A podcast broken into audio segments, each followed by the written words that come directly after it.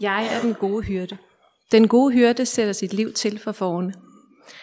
Den, der er daglejer og ikke hyrde, og ikke selv ejer forne, ser ulven komme og lader forne i stikken og flygter. Og ulven går på rov i blandt dem og jager dem fra hinanden. For han er daglejer og er ligeglad med forne. Jeg er den gode hyrde. Jeg kender mine får, og mine får kender mig. Ligesom faderen kender mig, og jeg kender faderen. Og jeg sætter mit liv til for forne. Jeg har også andre får, som ikke hører til denne folk. Også dem skal jeg lede, og de skal høre min røst, og der skal blive en hjort, en hyrde. Ulven går på rov blandt forerne og jager dem fra hinanden. Øh, det er ikke sikkert, at øh, I har det ligesom mig, men øh, jeg kan godt jeg kan godt føle, at ulven, det vil sige Satan, han går på rov blandt forerne og jager dem fra hinanden. Også her i Bornholmerkirken. Øh, I over et år nu, der har vi ikke kunne samle hele flokken, hele forflokken. I over et år, der har vi siddet hver for sig, eller i mindre grupper, og forsøgt at høre den gode hyrde stemme. Ulven, som her er et billede på Satan, han har fået masser af spillerum til at gå på rov. Søndagsrytmen øh, med gudstjeneste og frokost og fællesskab osv., den er fuldstændig smadret. De fleste B-grupper har stået stille i, øh, i det meste af perioden. Hyggekrogen har været sat på standby. Og alle de her aktiviteter inden for lovsangen og musik, øh, teknik og kurser og vedligehold af bygninger og alle de her små aktiviteter, som i ugens løb og året rundt har bundet os sammen på kryds og tværs af aldre og B-grupper og interesser, det har ligget mere eller mindre helt brak. Så forflokken har været spredt. Konflikt og uenigheder har kunne sprede sig mellem forerne, når de ikke er sammen. Andagsliv og andagsrutiner er i mange familier gået helt i stå. Og hvem ved, hvor mange, hvor mange får, øh, der er tilbage i folden, når vi får lov til at samles igen alle sammen.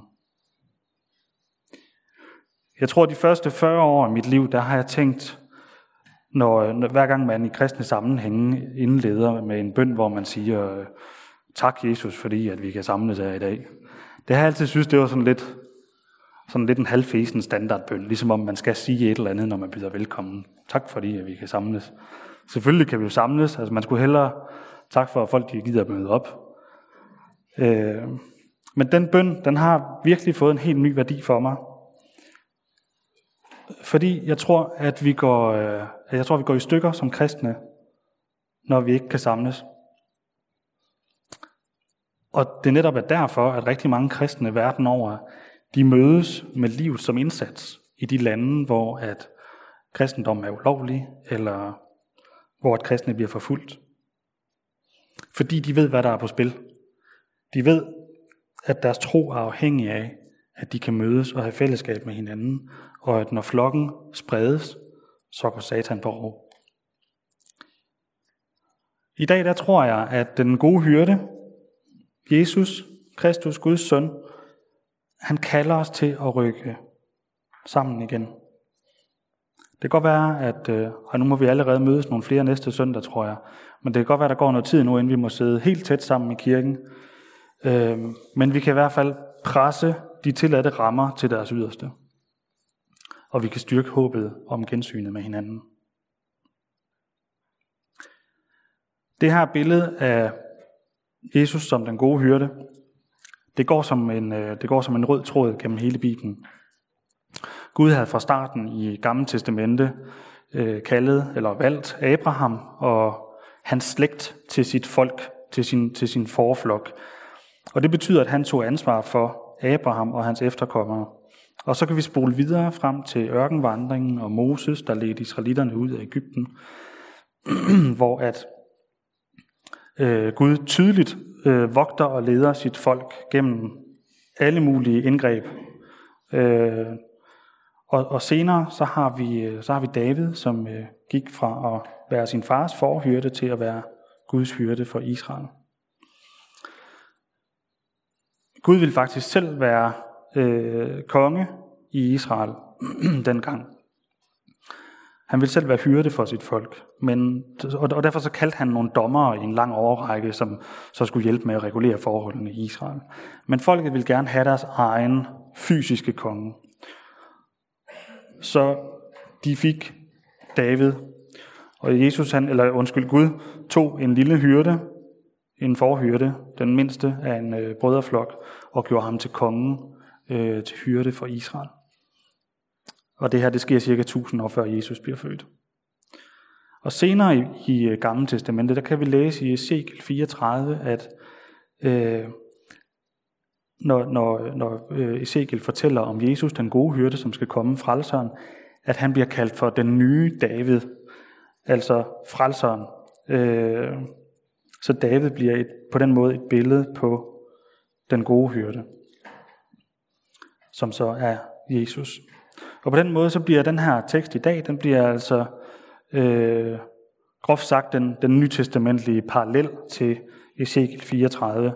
Og i dag så udfolder øh, Jesus så øh, billedet øh, på, eller bruger forholdet mellem en hyrde og sin får til at beskrive øh, forholdet til sine disciple. Er der nogen, der kan huske, nu har Karoline lige læst teksten, er der nogen, der kan huske, nogen, hvad der kendetegnede øh, den gode hyrde? Eller forerne?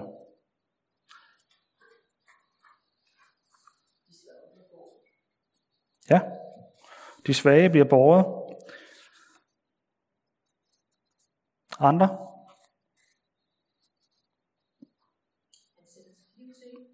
Han sætter sit liv til for forne. Her siger frelseren selv, at han sætter sit liv til for forne, og han protesterer ikke engang. Det er ikke noget, han... han øh, men faktisk så kan vi læse længere nede i teksten i vers 18, som ikke er med i dagens tekst, men, øh, men samme kapitel, at Jesus siger, ingen tager det fra mig, men jeg sætter det til af mig selv. Jeg har magt til at sætte det til, og jeg har magt til at få det tilbage, og det har min fader påbudt mig at gøre. Så det er altså noget, han vælger at gøre helt frivilligt for de får, som han kender, eller for hele verden. Og så er der det her med, at han kender sin form. Det er fint nok, at han kender det, man ved, hvem, hvem, hvem, der, hvem de er, om de er hvide eller sorte eller grå, eller hvad farve de har. Men han trækker også lige en parallel i det efterfølgende vers, hvor han siger, ligesom faderen kender mig, og jeg kender faderen. Så vi taler om et ret tæt forhold. Jesus sammenligner forholdet til sin for med forholdet til sin far. Så i virkeligheden så kender Jesus dig meget bedre, end du selv regner med. Måske kender han dig endda bedre, end du selv gør. Og alligevel, selvom han kender mig bedre, end jeg selv gør, og han kender al min synd, og at jeg er kulsort indeni, og selvom han ved, at jeg af natur er fjendsk over for ham, så vælger han 100% frivilligt at sætte sit liv til for mig og for dig.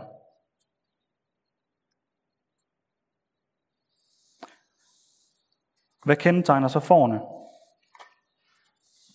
Jo, for de er dumme. For de, øh, de går sådan rundt, lidt rundt og bræger her og der. Og de er dybt afhængige af, at de svage kan blive båret, som der bliver sagt. Og at hyrden kan lede dem tilbage til flokken. Og faktisk lærer Bibelen os, at det ikke det er ikke forne, der har fundet hyrden, det er hyrden, der har fundet forne. Så det er ikke dig, der har fundet Jesus, det er Jesus, der har fundet dig.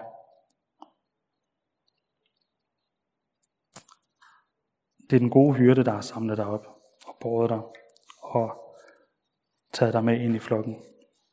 Og det er ret vigtigt at få fat i den pointe her, for det er rent faktisk evangeliet. Men kan forne så miste hyrden af syne? Kan man forestille sig, at øh, de her får, som ikke er særlig kloge, at de kommer på afveje en gang imellem?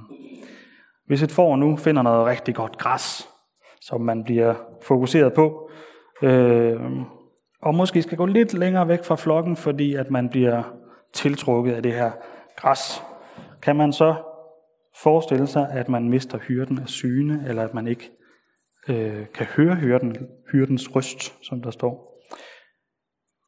Kan vi komme til at lytte til andre røster?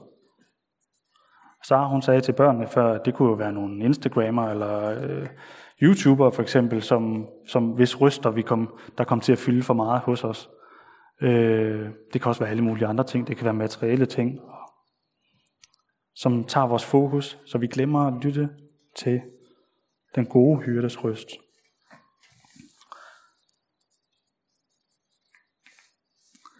Hvordan hører vi så hans røst? Og hvordan finder vi ud af, hvad han vil sige til os? Nogle, nogle vers længere nede i kapitlet i dag, der står der, at Jesus, eller Jesus siger, min får hører min røst, og jeg kender dem, og de følger mig. Og jeg giver dem evigt liv, og de skal aldrig i evighed gå fortabt, og ingen skal rive dem ud af min hånd. Og det er jo virkeligheden det, det drejer sig om. Evigt liv. At skaberen, Gud selv, som den gode hyrde, at han satte sit liv til for dig og mig, for at have fællesskab med dig og mig til evig tid. Fællesskab med sine får. Han kalder os for sine får. Vi skal være hans får. Han, han vil eje dig. Han vil bære dig. Han vil tage sig af dig. Han har sat sit liv til for dig og har offret sit liv for dig, fordi han ville. Og han vil, at vi skal høre ham. Og hvordan hører du så hans røst? Jamen det gør du for eksempel, når du læser i hans ord, Bibelen. Øh, når du lytter til en prædiken i kirken, eller på nettet, eller ja, gå bare i gang med det. Der er masser af fantastiske prædikener at lytte til. Men husk stadigvæk på, at du kan kun lytte til og tro på hans ord af en eneste grund, netop den grund, at han har valgt dig, han har givet dig troen. Det er ham, der har hørt den, det er ham, der har samlet dig op, taget dig ind i flokken og gjort dig i stand til at høre hans røst og tro den. Fordi han ville. Og nu har han fundet dig, samlet dig op, og nu vil han gøre dig til sin ejendom, til sit for. Den her røde tråd om hyrden gennem Bibelen, som vi hørte i starten fra helt fra Gamle Testamentet, den fortsætter sådan set også efter Jesus, efter den gode hyrde. Fordi Jesus, som er den gode hyrde, han kaldte også andre hyrder. Han kaldte apostle, som skulle bygge videre på hans menighed, på forflokken. Og de kaldte så igen andre hyrder i de menighed, som de plantede. Og på den måde så kom der flere og flere menigheder, og forflokken blev større og større. Og evangeliet kunne på den måde sprede sig ud i hele verden og op til os her i det kolde nord. Den gode hyrde er fortsat Kristus, men han kalder hele tiden flere og flere til at hjælpe med hyrdeansvaret i menigheden og hyrdeansvaret for hans forflok. Og Jesus, den gode hyrde, han kalder os her i dag i Bornholmerkirken til at samle os, og samle os som menighed, til at rykke tæt sammen. For når vi står tæt sammen, så er det nemmere at lade sig lede af hyrden, og det er sværere for ulven at gå på rov og jage nogen af os på afveje. Så når vi står sammen i Bornholmerkirken og lytter til Jesus, til hyrden, så bliver det svært for Satan at gå på rov og splitte os ad. Det synes jeg, vi skal bede om. Far i himlen, tak for det ord, du taler til os i dag. Tak fordi, at øh, vi må være din for, og tak fordi, at du ønsker at lede os og gøre os til din ejendom. Tak fordi, at du vil have evigt fællesskab med os. Og tak fordi, at vi nu igen må samles flere igen, end vi har måttet i en lang periode. Bær dig for Bornholmerkirken, at vi må rykke tæt sammen, så at øh, du kan lede os, og at Satan får svært ved at, at gå på rov i blandt os. Det beder jeg dig om i dit eget navn, for din skyld.